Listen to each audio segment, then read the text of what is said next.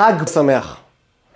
בסדרת הסרטונים שלפנינו, אנחנו נפגשים בארבעת הבנים בהגדה.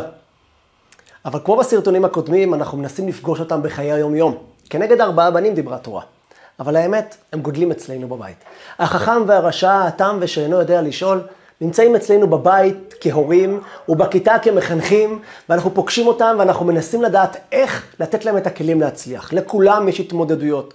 בסרטונים הקודמים למדנו על החכם, על ההתמודדויות שלו, ועל הדרך לצאת איתם לדרך צלחה, ועל הרשע, מה שבעולם נקרא רשע, הדרך להתמודד איתו ולתת לו את הכלים להצלחה. היום אנחנו נלמד על הילד התם.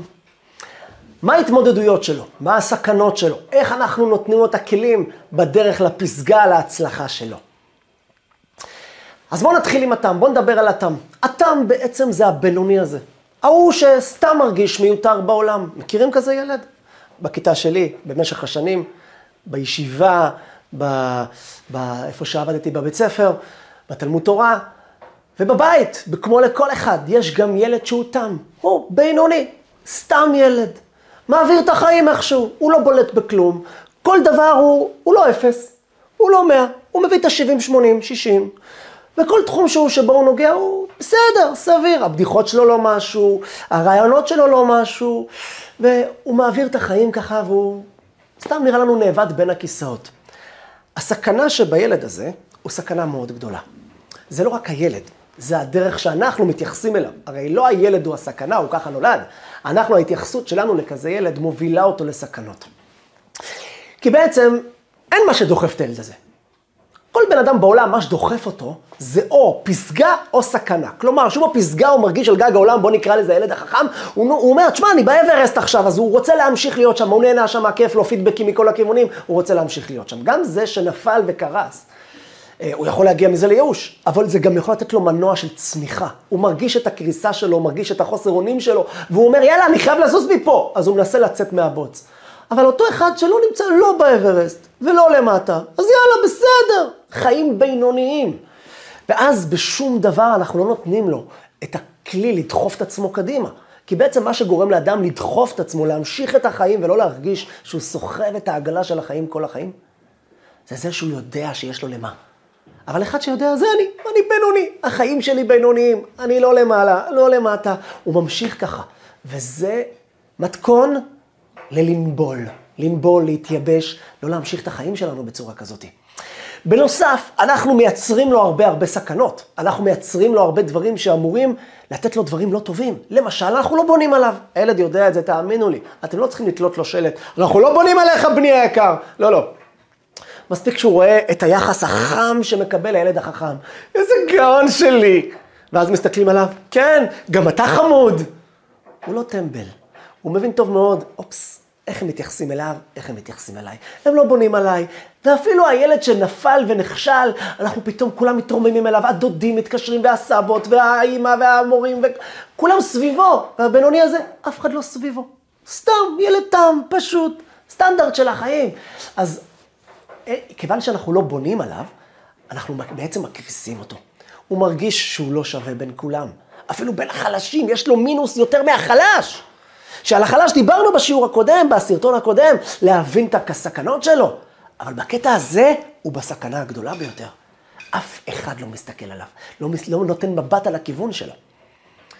עוד סכנה שיש לילד הזה, עוד פעם, שאנחנו מייצרים אותה, סכנה בדיוק הפוכה. כיוון שאנחנו רואים את הילד הבינוני הזה, ואנחנו, איך אומרים, כל ילד הוא בעצם המראה שלנו, איך שהוא יהיה בחוץ, יפרגנו לנו, אז אנחנו חייבים ללחוץ אותו. וואי, אתה חייב, אתה חייב, אתה חייב. מציבים לו רף שהוא לא מסוגל לעמוד בו, מנסים לדחוף אותו למקומות שאנחנו רוצים שהוא יהיה, והוא לא מסוגל להיות שם. ואנחנו הורגים את הילד הזה. כן, כן. אנחנו לוחצים אותו למה שהוא לא. הוא לא. חבר'ה, הוא לא כזה. מה אתה לוחץ אותו? לא, אתה חייב להביא לי את המאה. אתה חייב להיות כישרון במוזיקה, אתה חייב להיות כישרון בכל דבר שאני אגיד לך. אבל הוא לא כישרון בזה. ואנחנו דופקים את הילדים האלה. והם מפסידים פעמיים.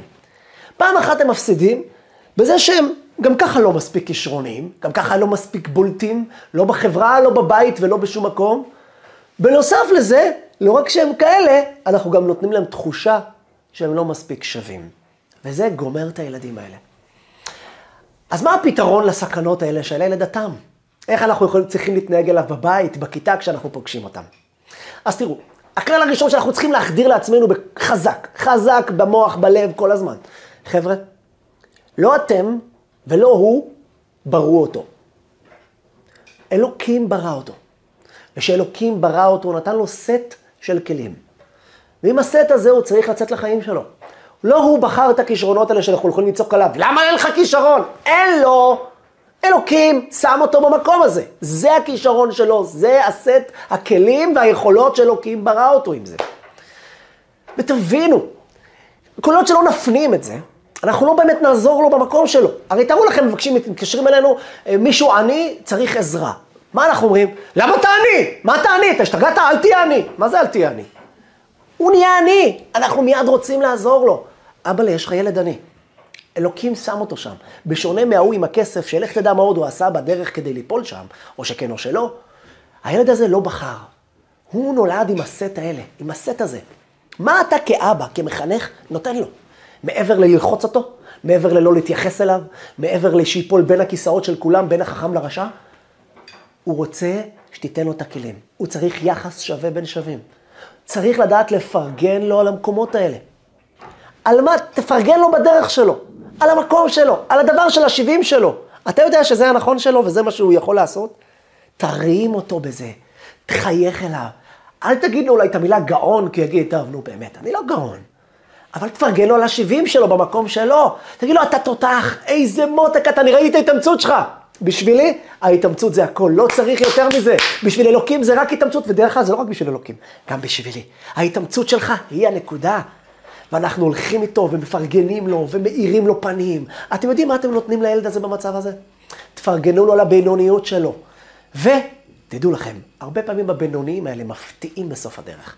הם בדרך כלל המתמידים, העקשנים, הם קצת פחות עם קשיים. אין להם קשיים של חכמים שראינו בסרטון הקודם, ואין להם את הקשיים של, ה... של האלה שלמטה. יש להם את הקשיים שדיברנו עליהם עכשיו, וזה סך הכל פתרון של חיוך, פרגון והתייחסות לבעיות שלהם. שגם הם נמצאים, גם הם כואבים.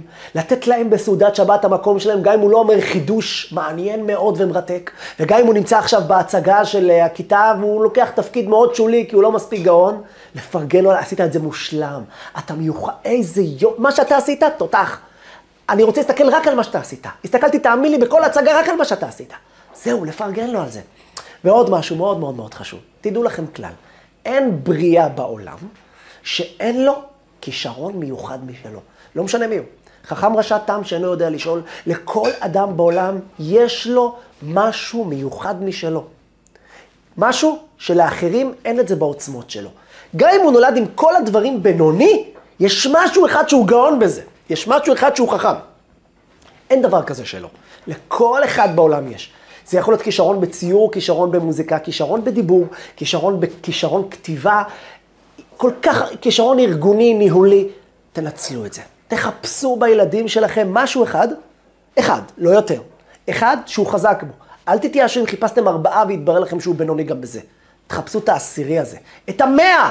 את הכישרון שלא חלמתם שיש לו. תנו לו אותו, תפתחו לו את זה, תשלחו אותו לחוג מיוחד. תנו לו את המקום הזה שלו להתבטאות, שגם שם הוא יודע שיש לו גג, יש לו איזה פסגה. הפסגה הזאתי תגרום לו שבכל הדברים שהוא בינוני בהם, הוא יתאמץ עוד קצת. אל תציבו לו את הרף הזה, אל תחייבו אותו לזה. אבל הוא מעצמו ינסה לצאת, כי כמו שאמרנו, הבינוניות לא נותנת לו דחיפה קדימה. כששמנו אותו על פסגה במשהו מסוים, זה נותן לו דחיפה קדימה, הוא יגיע לאן שהוא יגיע, אין לי מושג לאן, לאן שאלוקים יוביל אותו. אבל הוא ייתן את, יש לו מנוע, דחפנו לו קטר. הקטר הזה ייתן לו להתקדם קדימה.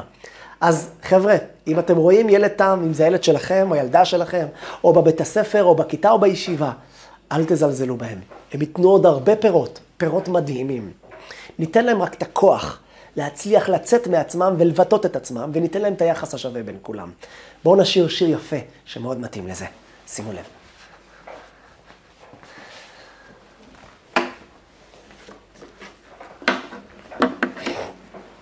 השיר הוא השיר המפורסם, אני הוא עץ מאוד זקן ושבע ימים, שזה בעצם מתאר את הנשמות, את האנשים, עת זקן ושבע ימים, ראיתי כבר רוחות הזאת ורעמים, ואתה עלה קטן מתנועע, בטוח בעצמו, הכל יודע. אבל הנענועים האלה, המעברים האלה שהם עוברים, הבן החכם, הרשע התם ושאינו יודע לשאול, דע לך שבסוף יהיה טוב. אז בואו תשאירו איתי ותצטרפו איתי לנגינה, חג הפסח. אני הוא עץ מאוד זקן ושבע ימים. ראיתי כבר רוחות הזאת ורעמים. אתה לקטן מתנועע, בטוח בעצמו הכל יודע. קח איתך צדה לדרך את ברכתי, חצי הכוס היא מלאה, תזכור תמיד. וכשהשמש אל הים שוקעת, אל תדאג, מחר היא שוב זורחת.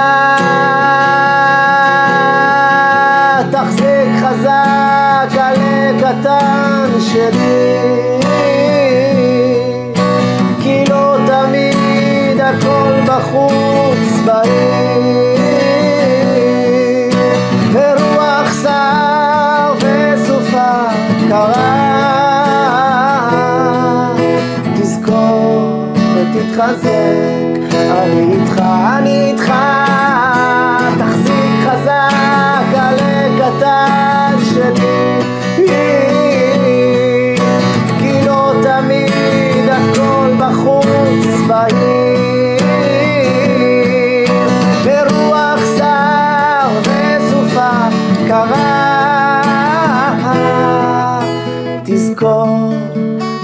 ותתחזק, אני איתך. תחזיק חזק על הקטן שלי.